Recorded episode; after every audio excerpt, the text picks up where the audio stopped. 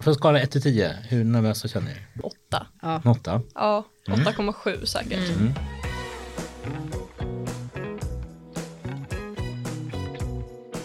Det här är samtalet med mig, Kurator Henke. Den här podden är för ungdomar med ungdomar. I varje avsnitt bjuder jag in en gäst. Välkommen in i samtalet. Jag kommer den här stunden leda det här samtalet som jag har tillsammans med härliga gäster i studion. Två ungdomar och en gäst. Eh, ni som är ungdomar, ska ni få chansen att börja och presentera er själv först här. Och då har vi Alice på min högra sida här. Vem är du? Och Jag heter Alice. Jag går i SAM, beteende. Och ja, går i ettan. Ja, och jag heter Emily och jag går i natur och går också i ettan. Just det, ni går båda första året på gymnasiet. Exakt. Ja, precis. Och jag tänkte, alltså det här är ju en början tänker jag för er när ni går i, eh, ni snart har gått ut ettan och snart in i tvåan. Men om man skulle plocka fram ett gäng år framåt i tiden så tänker vi så här, tio år framåt. Vad ser du dig själv om tio år? Oh, Okej, ehm, hmm. om tio år då är man liksom så här runt 26. Uh, eh, jag tror att jag vill ha liksom, alltså runt pluggat klart. Jag vill plugga någonting, ja, natur, eh, liksom intresserat än så länge, det kan ju ändras. Eh, och sen så har jag den här lilla drömmen att jag vill flytta ut någonstans ute på landet och skaffa en liten farm med små höns och så. Så att det är Mm, trevligt. Mm. Alice, vad har du för dröm? Eller ser dig själv om Men jag har också en väldigt stor dröm det här med att, för jag vill ju, för att jag tar ju och stammar. Och jag har en ganska stor dröm att jag vill ha normaliserat det i alla fall. För jag har redan börjat ett bra spår nu. Att jag har börjat snacka om det. Jag har börjat gå på läger. Jag har vet du, involverat andra i min omgivning om det. Men jag har ju en dröm att jag ska typ normalisera så pass mycket att folk vet om det. Inte bara så här, ja jag stammar, ja vad är det? Liksom, Mm, ja. Det finns väldigt mycket så här, deras fördomar, nej jo fördomar. Eller så här saker som man bara säger så här, ja men du stammar, då kan du inte prata eller du kan inte göra det här och det här, bla bla bla. Men mycket finns ju som inte direkt är, som Mm. inte direkt är sant. Så att jobba mycket med det temat och få, få med och driva det framåt. Ja. Fantastiskt, grymt bra. Nu är vi inte bara ni här ungdomar i studion utan vi har ju självklart en gäst. Eh, Daniela Lobos och du är verksamhetsledare på ett skyddat boende och konsult när det gäller avhopp. Eh, jag tänkte att du ska få berätta lite mer vem du är. Yes, eh, som du sa, mitt namn är Daniela Lobos och eh, ja, mina föräldrar kom från Chile 85. Ehm, så jag är född här 86 så ni kan räkna ut att jag är 36 år gammal. Eh, har tre barn, eh, 11, 5 och snart eh, tvååring. Eh, så där eh, väldigt mycket av min tid går dit eh, till familj och sen jobbar jag med, med avhopp och eh, skyddat boende. Har jag gjort ungefär sex år, men innan det så jobbade jag i en helt annan bransch och det var jag pluggade till försäljningsingenjör eh, och jobbade inom försäljning i byggbranschen.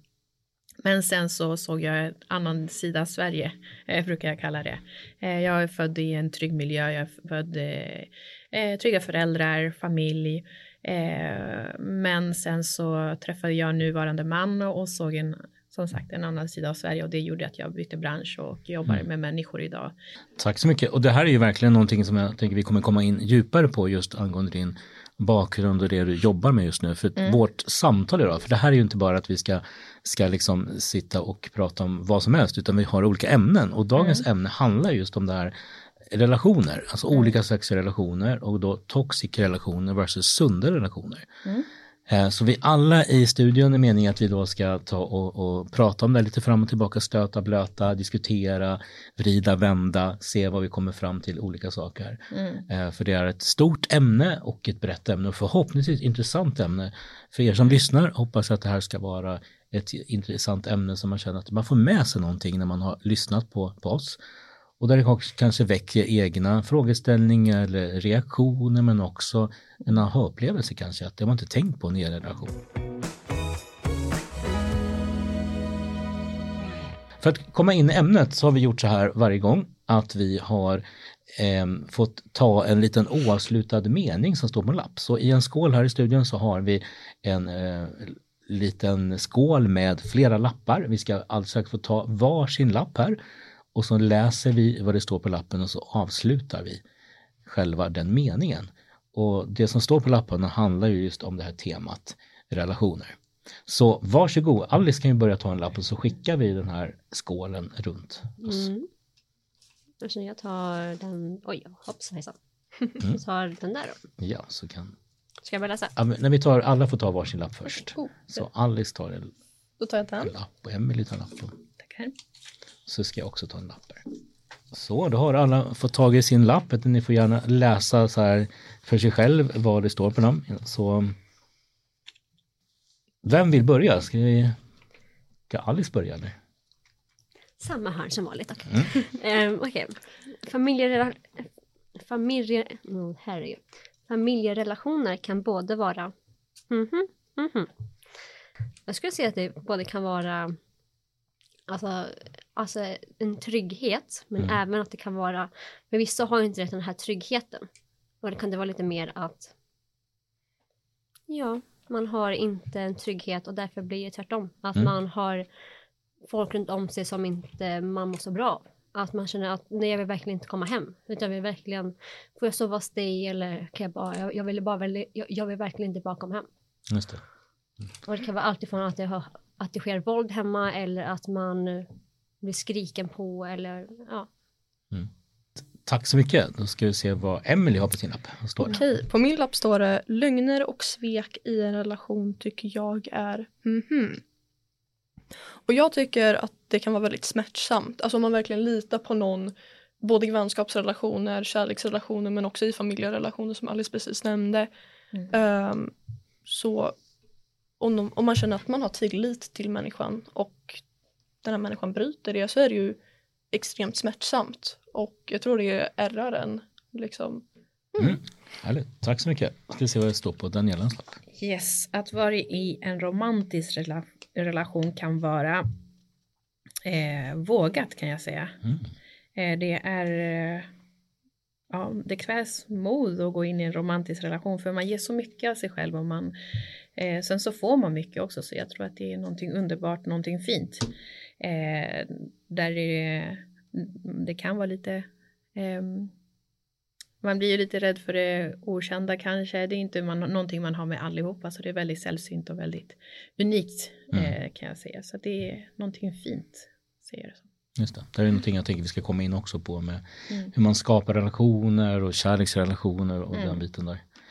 Mm, jag tar på min lapp också så står det så här. Det bästa sättet att skapa nya relationer är ja, men att våga skulle jag påstå. Att Mm. våga och även att, eh, att hitta gemensamma nämnare. Att känna att någonstans startar man. Mm. Men framförallt att våga. Jag, jag tror att när man träffar lite olika nya människor som man tycker verkar intressanta eller man hittar speciella tillfällen man möter varandra. Att där ska man också börja våga ta olika steg framåt. Mm. Att våga bjuda på sig själv eller fråga eller vad man nu gör. Eller då i det här hitta någon slags, slags gemensam nämnare. Mm. Man, man känner att här hittar vi någonting som vi har gemensamt och något som skapar intresse. Det känns kul att, att, att prata bara. Och så skapar det vidare längtan och, och liksom, ska man säga, en törst av att fortsätta att prata med den här personen, att lära känna den. Mm. Mm, härligt, då har vi alla fått få svara på den här oavslutade meningen. Jag tänkte att jag ska vända mig lite till, eh, till vår gäst här, till Daniela och höra lite angående det här med relationer. Du pratade lite om det här med, med eh, kärleksrelation. Om, om du skulle berätta något exempel, det behöver inte vara just kärleksrelationer, det kan vara andra exempel också när det gäller eh, just relationer. Vad, vad tänker du själv så spontant eh, när det handlar om att se sig själv i det här eller svårigheter eller det härliga? Du, du får chansen att starta något gott här. Mm. Alltså det är ju väldigt brett när jag tänker på relationer. Det finns ju olika slags relationer. Men i grund och botten tror jag är att man ska må bra med sig själv Mm. först och främst. Det. För det är svårt att ge någonting som man inte själv har. Om man inte kan älska sig själv är det svårt att älska någon annan till exempel. Mm. Eh, så där tror jag att det är för att kunna ha sunda relationer så måste man må bra med sig själv först och främst. Allting börjar där. Eh, du nämnde tidigare tror jag idag om eh, relationen till sig själv och Mm. den är ju väldigt, väldigt avgörande. För om man mår bra med sig själv så, så kan man ge bra också. Men relationer ska ju vara någonting som man bygger på eh, och det ska sunda relationer. Det finns ju destruktiva relationer också. Det är där man ska Eh, och där går man också tillbaka till en själv. Liksom, om jag känner mig trygg, om jag älskar mig själv så är det någonting jag ska vara kvar i. Är det någonting som jag ska bygga på? Är det, det här någonting jag vill satsa i? Eh, så det är lite där. Eh, men bygga på sig själv tror jag är det viktigaste. Mm.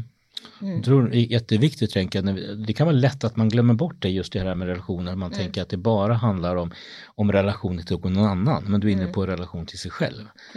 Mm. Har vi några tankar om det här just när vi pratar om det här begreppet? Men jag tycker att du tar upp väldigt bra åsikter uh, som är väldigt viktiga att tänka på. Uh, för att jag har ju erfarenheten av att jag sett många uh, i min närhet liksom gått in i relationer när de själva inte är redo. De kanske precis kommit ut ur en relation och de liksom känner svek eller liksom det kan slutat bra men de är fortfarande lite ledsna och så går de in i en ny relation utan att de egentligen är riktigt redo för det. Och jag tycker att det är väldigt viktigt att man ska kunna känna sig trygg i sig själv, man ska kunna älska sig själv. För att jag såg det här liksom mottot att du måste kunna älska dig själv för att älska någon annan mm. på rätt sätt. För annars blir det mer liksom um, att man vill att den andra människan ska älska en själv åt en. Mm. Och det tror, mm. tycker inte jag är hälsosamt. Nej, verkligen inte. Mm.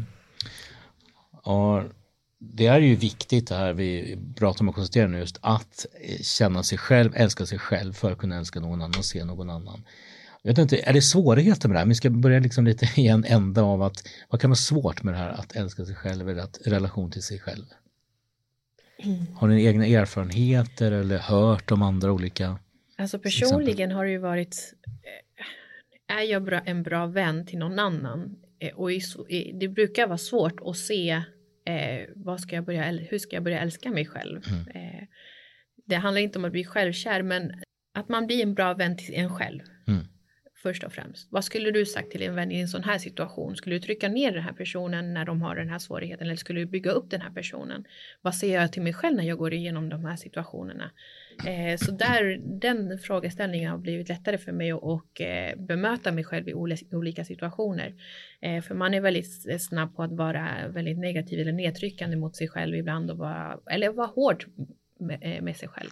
Eh, så där tror jag att det är, det är viktigt att man att man, eh, att man ser sig själv som sin bästa vän liksom, och, och så bygga upp och, och börja älska en själv på mm. det sättet. Det, det, där är ju verkligen också ett, ett, ett, sätt att eh, se på det här goda exemplet med sig själv. Mm. Men lite av vårt tema handlar om toxic relationer, alltså giftiga relationer, relationer som inte riktigt mm. är bra. Om man skulle tänka så till sig själv, vad kan det vara för exempel?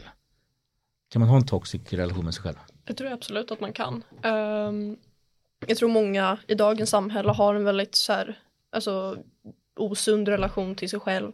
Man tänker att ja, ah, men jag är inte bra nog. Man kan absolut tänka det så här psykiskt att ja, ah, men jag är inte en bra person. Men också fysiskt oftast. Uh, jag tänker det finns många människor som vill bli någon annan uh, som gör plastikoperationer mm. eller liksom. Jag tänker att det finns många uh, ätstörningar som folk går in i för att de inte älskar sig själv nog. Eh, jag, jag märker ju som eh, när man jobbar som skolkurator så kan jag märka att eh, de som söker upp mig och pratar om olika saker så kan man ju märka att de har jättegoda tankar om andra, om andra människor, kompisar, familjemedlemmar, en partner ehm, och de är oroliga också kanske för någon annan. Men sen så märker man när man kommer in på samtalet med så märker man att oj, här var de inte så schyssta mot sig själva. Och den där tänker jag så här, vad hände där? Just att man har så god omtanke om andra men så tycker man, nej men jag själv är inte så viktigt att jag mår bra. Jag behöver inte bry mig och tänka på sig själv. Men då motsäger det lite som du Daniela var inne på det här med att det faktiskt handlar om att sätta sig själv också i ett, i ett fokus att må bra. Hur ska jag annars kunna hjälpa andra om jag inte mår bra? Mm. Så det, jag skulle, vi kommer in ytterligare senare i avsnittet om det här med, med tips till varandra. Eh, och också så här, så att verkligen ge dig själv sätt den andra i fokus också. Nu tror jag Alice hade en tanke där, kom på en. Eh, ja, mm. men det finns ett citat det här med att eh, man, ska alltid ge, man ska alltid göra någon glad varje dag. Men mm. man ska också komma ihåg att man, att man själv är någon. Just det, mm. vad bra. Jättebra citat. Mm. Liksom, man ska ju alltid göra sig själv glad och liksom så här, jag brukar alltid ha ett tankesätt att man ska ha sig själv som bästa vän. Mm. Mm. Att ingen annan ska behöva ha den här tvingande eller måste säga, att du måste göra mig glad. Men alltså, den enda som har en som uppgift att man ska göra sig själv glad, det, det är ju en själv. Mm.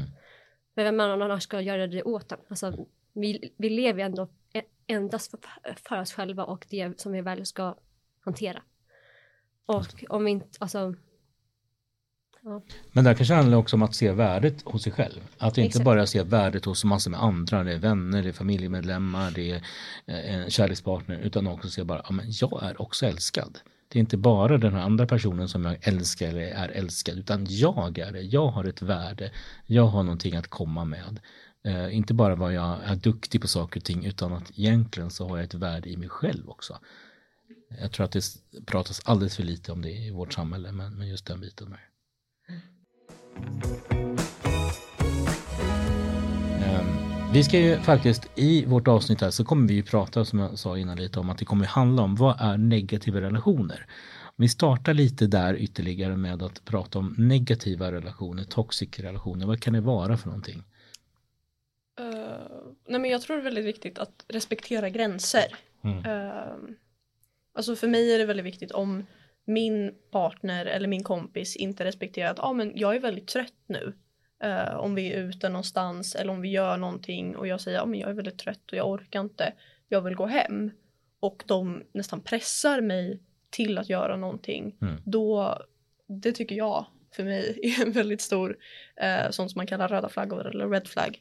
Exakt, för det blir ju så att man vågar inte se så fall en annans gränser. Man, man kan själv känna att jag orkar inte. Mm. Och så antingen så lyssnar man på sig själv eller inte. Men om man ser den andra, om man egentligen känner en väl vän eh, eller vem det är och så ser man att den uttrycker något så lyssnar man inte alls på den. Då respekterar man inte den andra personens gränser som du är inne på. Mm. Och det är väl inte så jättesunt, i alla fall då. Sen kanske det kan återupprepas, återupprepas hela tiden. Och då blir det till slut kanske en osund relation. Mm. Har ni varit med om mycket om det här med, med osunda relationer själva?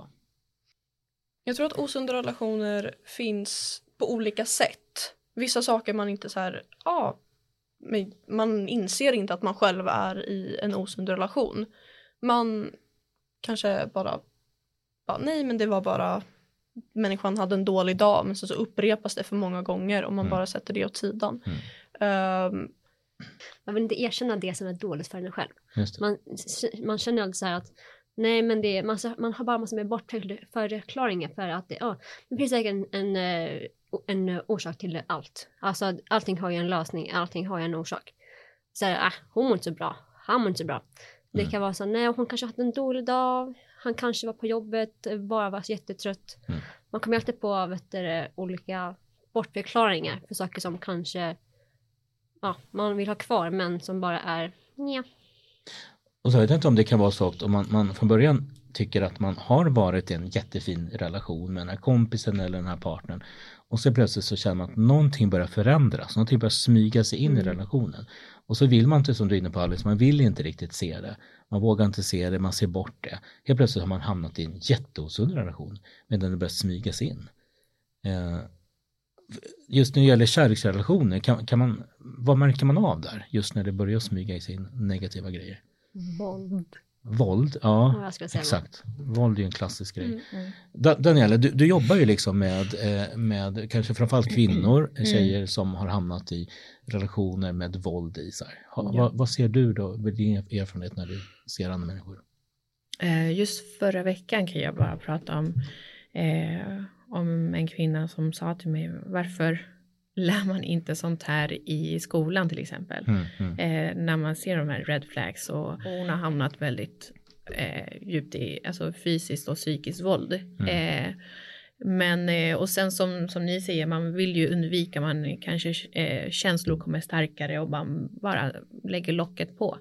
Eh, men där går vi också tillbaks till det här älska sig själv, liksom, och att man det behövs gränser, det Mm. som du sa också. Eh, det, det behövs gränser för ens egen skull och för den andra personens skull. För att den personen, det har kanske börjat bra, men den andra personen måste ha insikt, självinsikt, det här är inte okej, hur jag beter mig.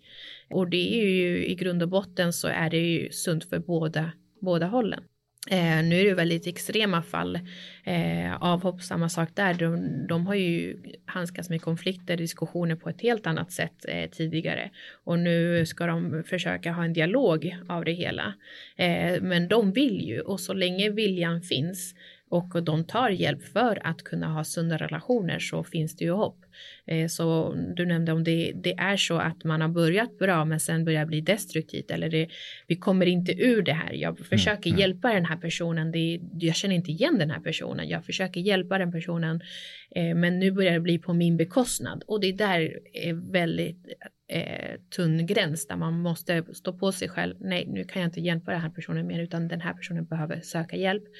Eh, och säga det, det är ju sunt för båda två som sagt. Eh, den andra tar hjälp och att den själv säger ifrån och sätter gränser. Mm, exakt. Mm. Våld är ju ett sätt. Jag tänker våldsbegreppet är ju, jag vet inte hur mycket ni känner till, både som sitter i studion och de som mm. lyssnar. Att, att våld är ju på olika sätt. Vad kan våld vara? För det kan ju vara både kanske slag och mm. annat. Vad kan våld vara mera? Psykiskt våld, mm. Eh, latent våld. Eh, det finns ju, man, det finns så stort, det är så brett. Mm. Eh, någonting för mig kan, liksom finns också olika familjeförhållanden som man kommer ifrån. Någonting för mig kanske inte är hot men för andra är hot eh, eller tar illa till mods. Så det, är, det här är någonting man måste sätta sig ner och bygga en relation. Vad är det? Vad är sunt mellan oss? Vad är det här någonting? Är det här ordet hotfullt för dig? Mm. Eh, nu, nu, nu finns ju extrema fall där man kan vara personlig angrepp, det är det. Men sen så finns det ju de här bakgrunderna var, för mig kan det vara hot men för den andra personen normaliserat det. Mm. Eh, och det är viktigt att man, att man är öppet och vågar säga det här känns så här och så här när du säger mm. de här orden till mig. Mm. Eh, för att jag upplever det så. För den upplevelsen kan ingen ta från dig. Exakt. Och det är det, är det man, det är kommunikation och eh, försöka förstå den andra personen. Eh, men eh, alltid ha en öppen dialog. Mm. Och det, jag tror att det är en sund relation där man kan ha en öppen dialog med andra personen och bara vara trygg av att kunna säga allting eh, öppet eh, på ett bra och sunt sätt. Men, men lite som att tänka så här att jag accepterar inte det här. Alltså det, nu har du gått över en gräns. Mm. Att få ett slag eller få ett hot eller ett nedtryck på något sätt. Att, mm. att ha en konvention att det här, det här vill inte jag tolerera. Mm. Det här tillhör inte vår relation. Det här är ingen bra relation när vi mm. håller på så här. Är det liksom att vara lite öppen på det sättet? Ja, så, absolut. Ja. Det är, eh, nu pratar jag väldigt milt eh, eh, när det är slag, när det är psykisk mm. misshandel, då ska man ta ett steg ifrån och det är, mm.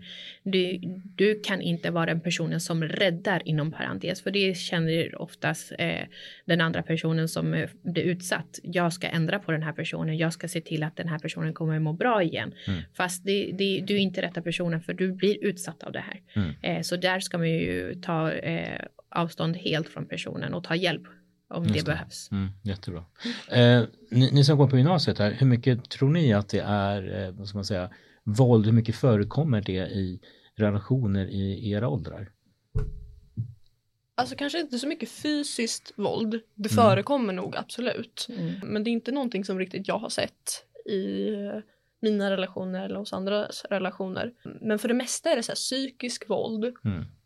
Och då kanske man inte pratar personliga angrepp Alltså verkligen, du är sämst, du är så här, verkligen så. Men att man typ mer sprider ut det eller att man skapar en otrygghet. Att man liksom kanske, alltså då tar, pratar man bara o, alltså, osunda relationer, att man börjar bli svartsjuk mm. på ett liksom riktigt dåligt sätt. Att ah, men du får inte gå ut med dina vänner. Mm, för det kan vara andra människor som stirrar på dig.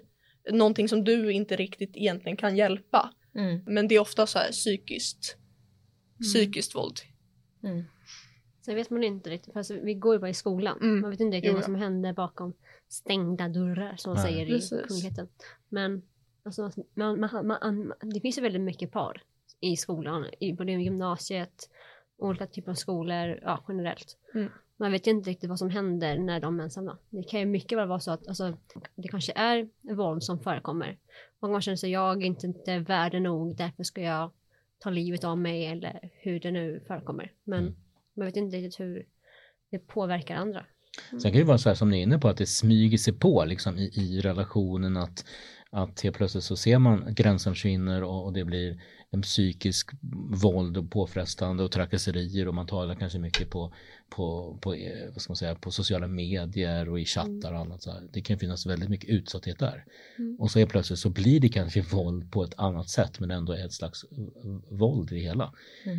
Jag vet ju som, som, som kurator så märker jag ju faktiskt att jag träffar ju ungdomar här och där som upplever våld. Det kan vara våld i relation, det kan vara våld i en kärleksrelation, en partnerrelation. Det kan vara våld i hemmet av olika slag, det har jag hört flera gånger. Um, så att jag vet ju att det förekommer att ungdomar tyvärr är utsatta i det här.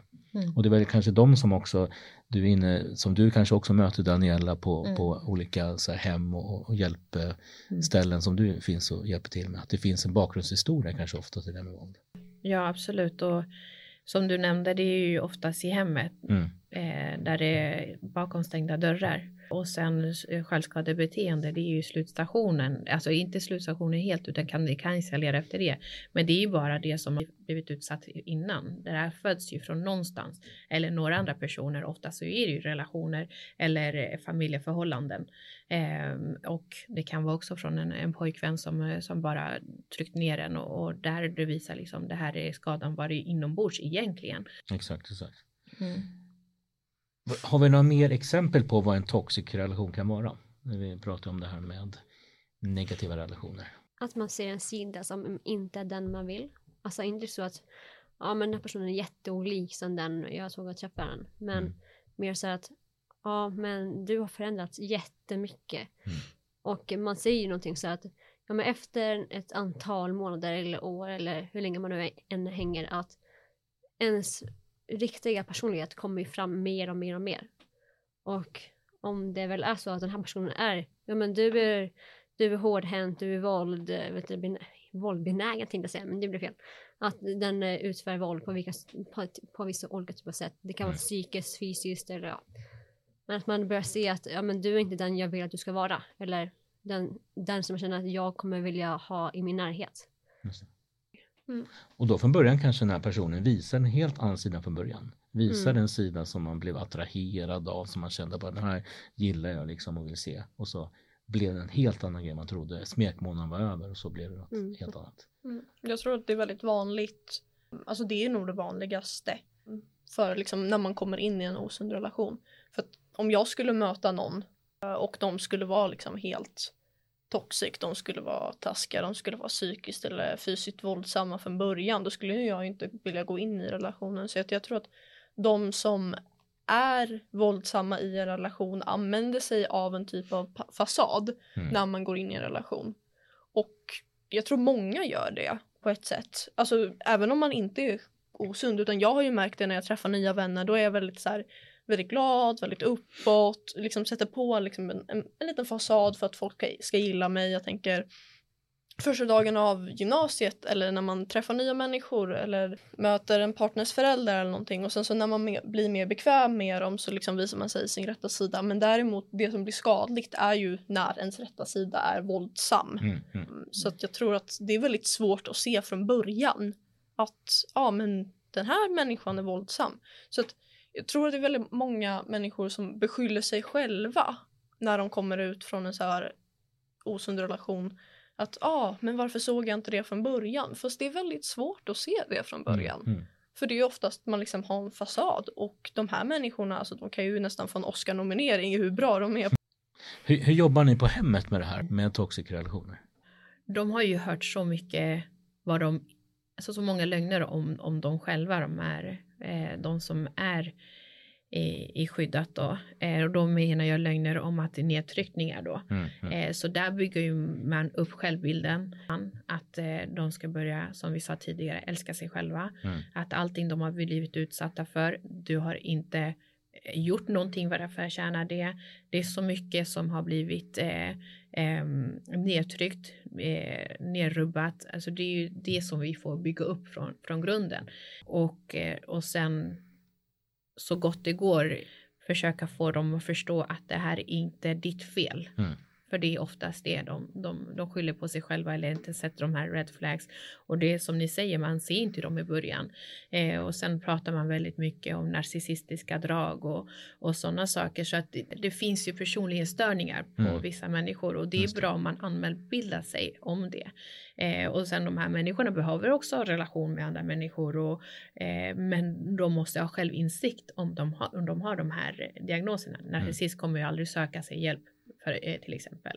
Eh, men det finns andra personlighetsdrag där de själva måste ha självinsikt. Okej, jag har den här diagnosen och jag måste ta itu med det. Och så som jag sa tidigare, om det finns eh, självinsikt och att man tar hjälp för det, då finns det hopp. Alltså det finns ju det här, okej, då går det att bygga en relation. Mm, mm. Eh, men just med skyddat boende kvinnor, nu har det ju kommit extrema fall att de måste bryta helt. Eh, men i avhopp till exempel, där, där vill de komma in i sunda relationer. De har oftast inte haft sund, sund relation till sin familj eller till eh, orten där de har, eh, de har fått skev bild av vad relation är, respekt är eller omsorg är. Eh, så att eh, på så sätt får man ju gå tillbaks till vad är sunt? Vad är eh, ett värde?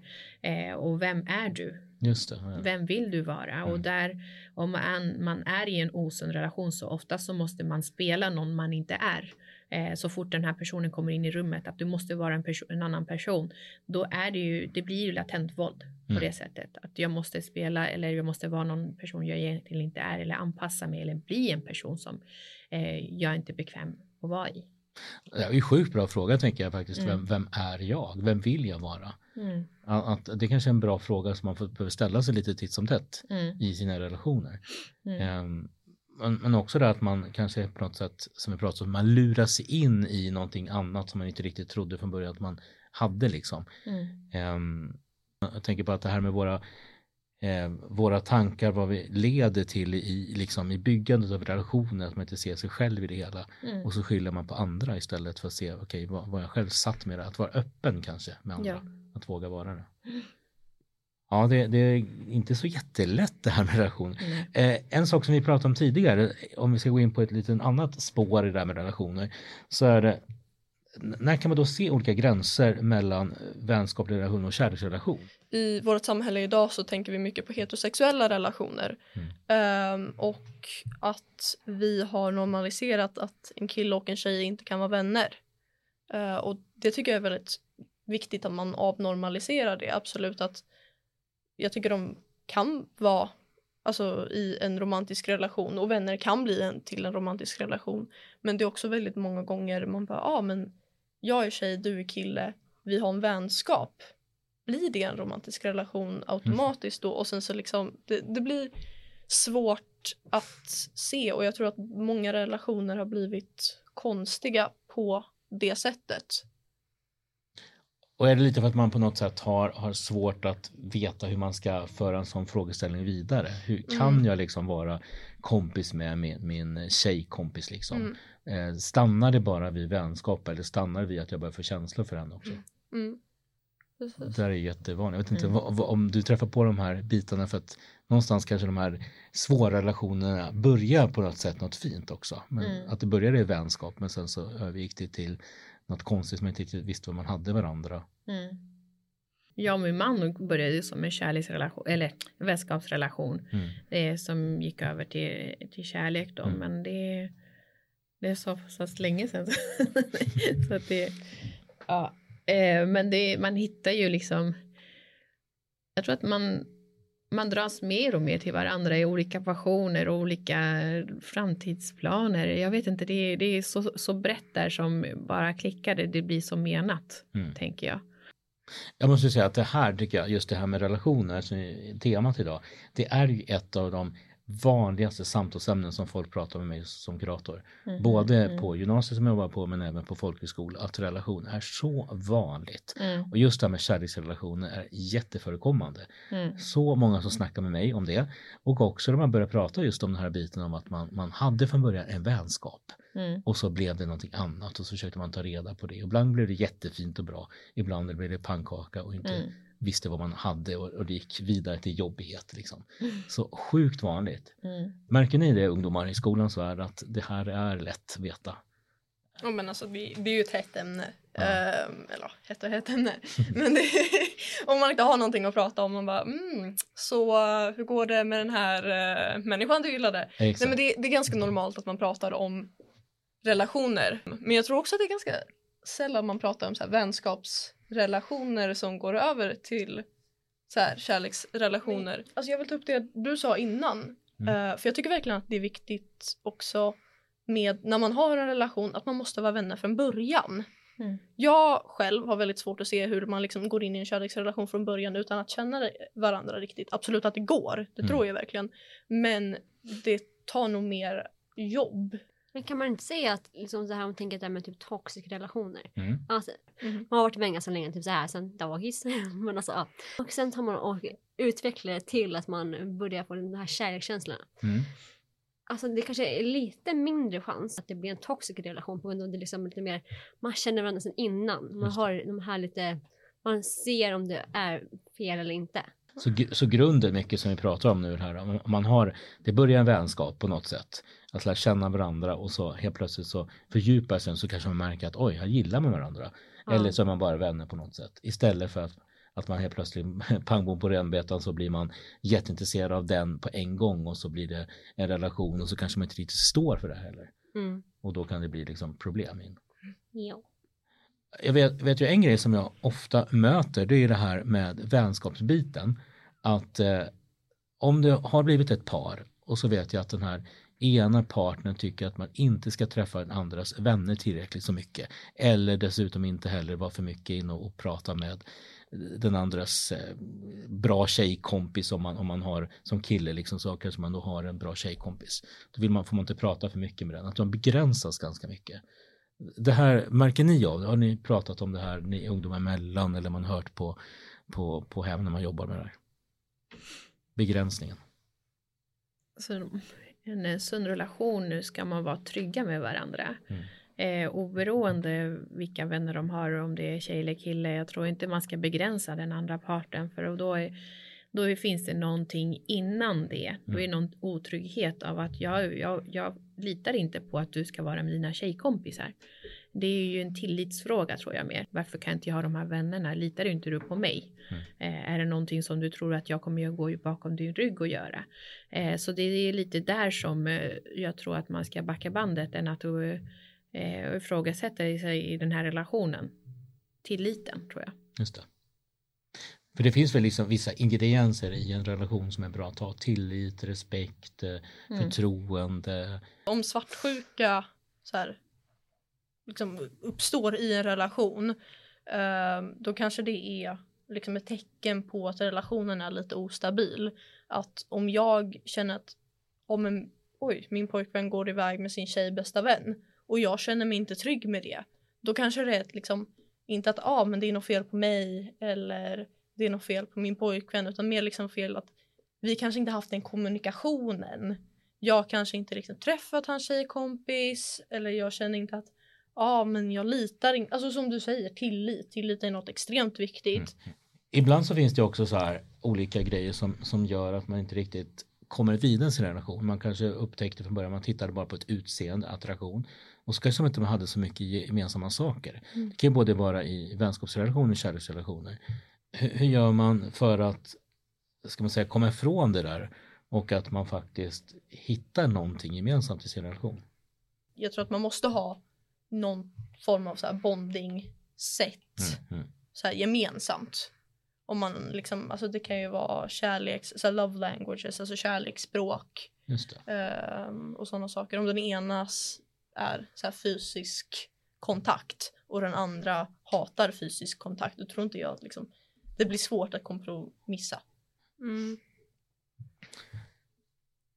Och det, det, jag, jag tror det här med, med eh, de här fem kärleksspråken som man brukar prata om, att de är sjukt bra att kunna ta reda på.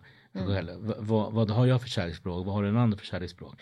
Och det där kan ju vara både i kompisrelationer men också i, i, eh, i kärleksrelationer. Mm. Eh, Kanske också inte pratat jättemycket om det men, men kan ju också vara kanske i lite väns, vad ska man säga, familjerelationer.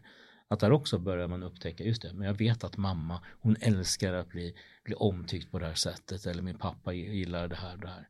att man också förstår liksom, hur uppskattar man. Vi hade nyss eh, firat mors dag, hur gillar man att uppvakta sin mamma? Liksom. Att se och bekräfta varandra. Mm. Det är också fina grejer. Så. Men kan det finnas andra saker som påverkar relation negativt? Jag tänker på kan det vara att man inte har gemensamma intressen eller att man jag vet, skulle religion kunna vara en sån grej? Att man ser att man, man, eh, man kanske har olika tankar i, i livsåskådning, religion eller andra synsätt? Mm. Jag tror det kan liksom bli lite mer alltså, komplicerat. Mm. Alltså om man har olika livsåskådningar men också politiska åskådningar eller så, politiska syner. Just det. Eh, så tror jag verkligen att det kan så här, komplicera. Exakt. Ja, men där tror jag också familj, de, de är typ de enda man inte får välja. Eh. De föds man in i. Mm. Och där finns det ju olika åsikter och olika förhållanden i livet, och olika kriser, och olika saker man går igenom eller man är, kanske använder olika tro. Mm. Och det är där jag tänker att man eh, respekt och kärlek är i grunden. Eh, det är det att man, man älskar den här personen trots sina, sina åsikter eller radikala åsikter och så. Men så länge det inte är den andra bekostnad tänker jag. Har den här respekten och kärleken i varandra. Eh, då, då funkar, eh, funkar relationen. Eh, men när det gäller att ha en livspartner med varandra. Då, då blir ju mer att man måste. Vad, vad, vill, vad vill vi ha för grund? Vad ska vi bygga vårt hem i? Vad ska vi bygga våra liv i? Mm. Så det är en helt annan fråga, fråga känns det som. Men när det gäller relationer, vänskap, så familj och så, det är kärlek och respekt eh, till varandras eh, liv. Eh, tror jag är det grunden där för, för sunt. Så att man ska hålla det sunt. Mm. En, en bit för det, för det är verkligen det du är inne på det här. Eh, jag vet inte om det också kan kopplas till det här med att man inte hittar gemensamma förhållningssätt men också åldersmässigt i relationer. Eh, jag själv möter det ibland just att man tycker att det är svårt det här med åldersskillnad, att det blir för mycket stor åldersskillnad på olika sätt och det ställer till i relationen också. Mm. Vad, vad, vad tänker ni själva om den biten, åldersbiten? Jag tycker det är en väldigt intressant fråga i så här åldersskillnaden jämf alltså, i olika årtionden, eller årtionden. Men till exempel, alltså det, jag tror det skulle vara mer kontroversiellt om jag dejtar någon, eh, så jag är 16 nu, om jag skulle dejta en så här 22-åring, då har vi sex år i skillnad. Mm. Men om jag skulle vara 42 och dejta en 48-åring, då skulle det vara liksom mer accepterat. Så att jag tror att det, det skiljer på hur gammal man är och liksom när man dejtar med åldersskillnaden. Verkligen. I destruktiva relationer, eh, Daniel, du möter ju också det på jobbet med mycket sånt. Är, märker du om det är liksom åldersskillnaden som också har satt lite käppar i hjulet som har gjort att det inte har blivit bra? Ålder har väl faktiskt inte varit så mycket fokus. Ja. Men eh, eh, självklart de yngre tjejerna har ju haft äldre män Mm. eh, som har dominerat och verkligen eh, nu, jag har jobbat med yngre tjejer som är varit fast i missbruk och Mm. självskadebeteende så Mm. att det, för dem har det ju varit en eh, för äldre män har det ju varit någon som de har kunnat manipulera lätt, lättare. Så att där är ju lite mm, vad de har sökt i äldre män. Mm. Och sen eh, eh, avhopp, ja, samma sak där. De har haft yngre tjejer för att de fastnar någonstans i, i åldern. Mm. Eh, så att det, det är typ yngre tjejer, de, ja, det är inte alla nu då, men vissa hänger inte med i mognaden om man Just säger så, för att de är ju i sin svacka. Eh, och så, så att på så sätt kan man ju se att de dras till, till yngre för att de hamnar där de vill inte bli, de blir, vill bli forever young till exempel. Just det, så åldern gör någonting ändå med hela Ja, allt. ja, ja. ja. Alltså tiden går ju snabbt när vi sitter och pratar här. Vi, vi Mm. ska snart börja gå ner för landning här. Och, eh, men en sak som är att vi tog upp när vi pratade innan och försökte prata ihop oss lite om ämnet så var det, ni nämnde ett begrepp som jag inte vet hur mycket det, vanligt det är, men som också handlar om relationer, att faktiskt försöka att eh, förstå sig på varandra, att, att acceptera varandra. Och det var begreppet X, vet jag att ni tog upp. X. Vill ni säga någonting om det? Ja, X är någonting som man så här stör sig på hos någon annan. Så som att liksom, ja men den här människan uh, biter på naglarna, vilken ick. Eller den här människan, Dålig andedräkt. ja, Mm. ick. Säger man då liksom. Bra. Eh, vi ska be faktiskt gästen nu här i avrundning att få ge några tre snabba tips Mm. till oss och till lyssnarna eh, för att skapa goda, sunda relationer. Ja, jag ska försöka eh, få fram tre stycken, men som vi började, det är älska sig själv. Mm. Eh, då är det lättare att älska andra. Andra, sätta gränser, tydliga gränser. Och sen tredje, en sån relation tror jag är mycket att ge och få, inte ge och ta. Eh, så att det är lite det för att hålla balansen. Mm. Fantastiskt, fantastiskt. bra tips. Jag skulle ge sista tipset här till, till oss här och det är att efter de här stegen när det gäller hur vi har börjat att att arbeta med relationer, att våga fördjupa dem. Att ta nästa steg, att inte vara rädd med att fördjupa sina relationer. Att man kan gå djupare, ännu, ännu djupare tillsammans med varandra i kärlek, i förståelse, i vänskap och allt det här. Eh, någon skulle ha sagt, jag tänkte ska avrunda med det, eh, ett citat, att någon skulle ha sagt att relation är bland det svåraste vi har som människor. Mm. Och så lägger jag till oftast att jag tycker att det är också bland det viktigaste att vi har som människor. Tack så jättemycket att ni var här. Vi tackar ungdomar och tack, Tack för, allt. Daniel gäst, som kom och gästade oss här idag. Det var jättehärligt att ha det här samtalet. Vi hade säkert kunnat suttit längre till och pratat om det. Men fantastiskt eh, gott det ni gav till oss allihopa. Så på återseende får jag säga till Mm. allihopa. Tack. Tack.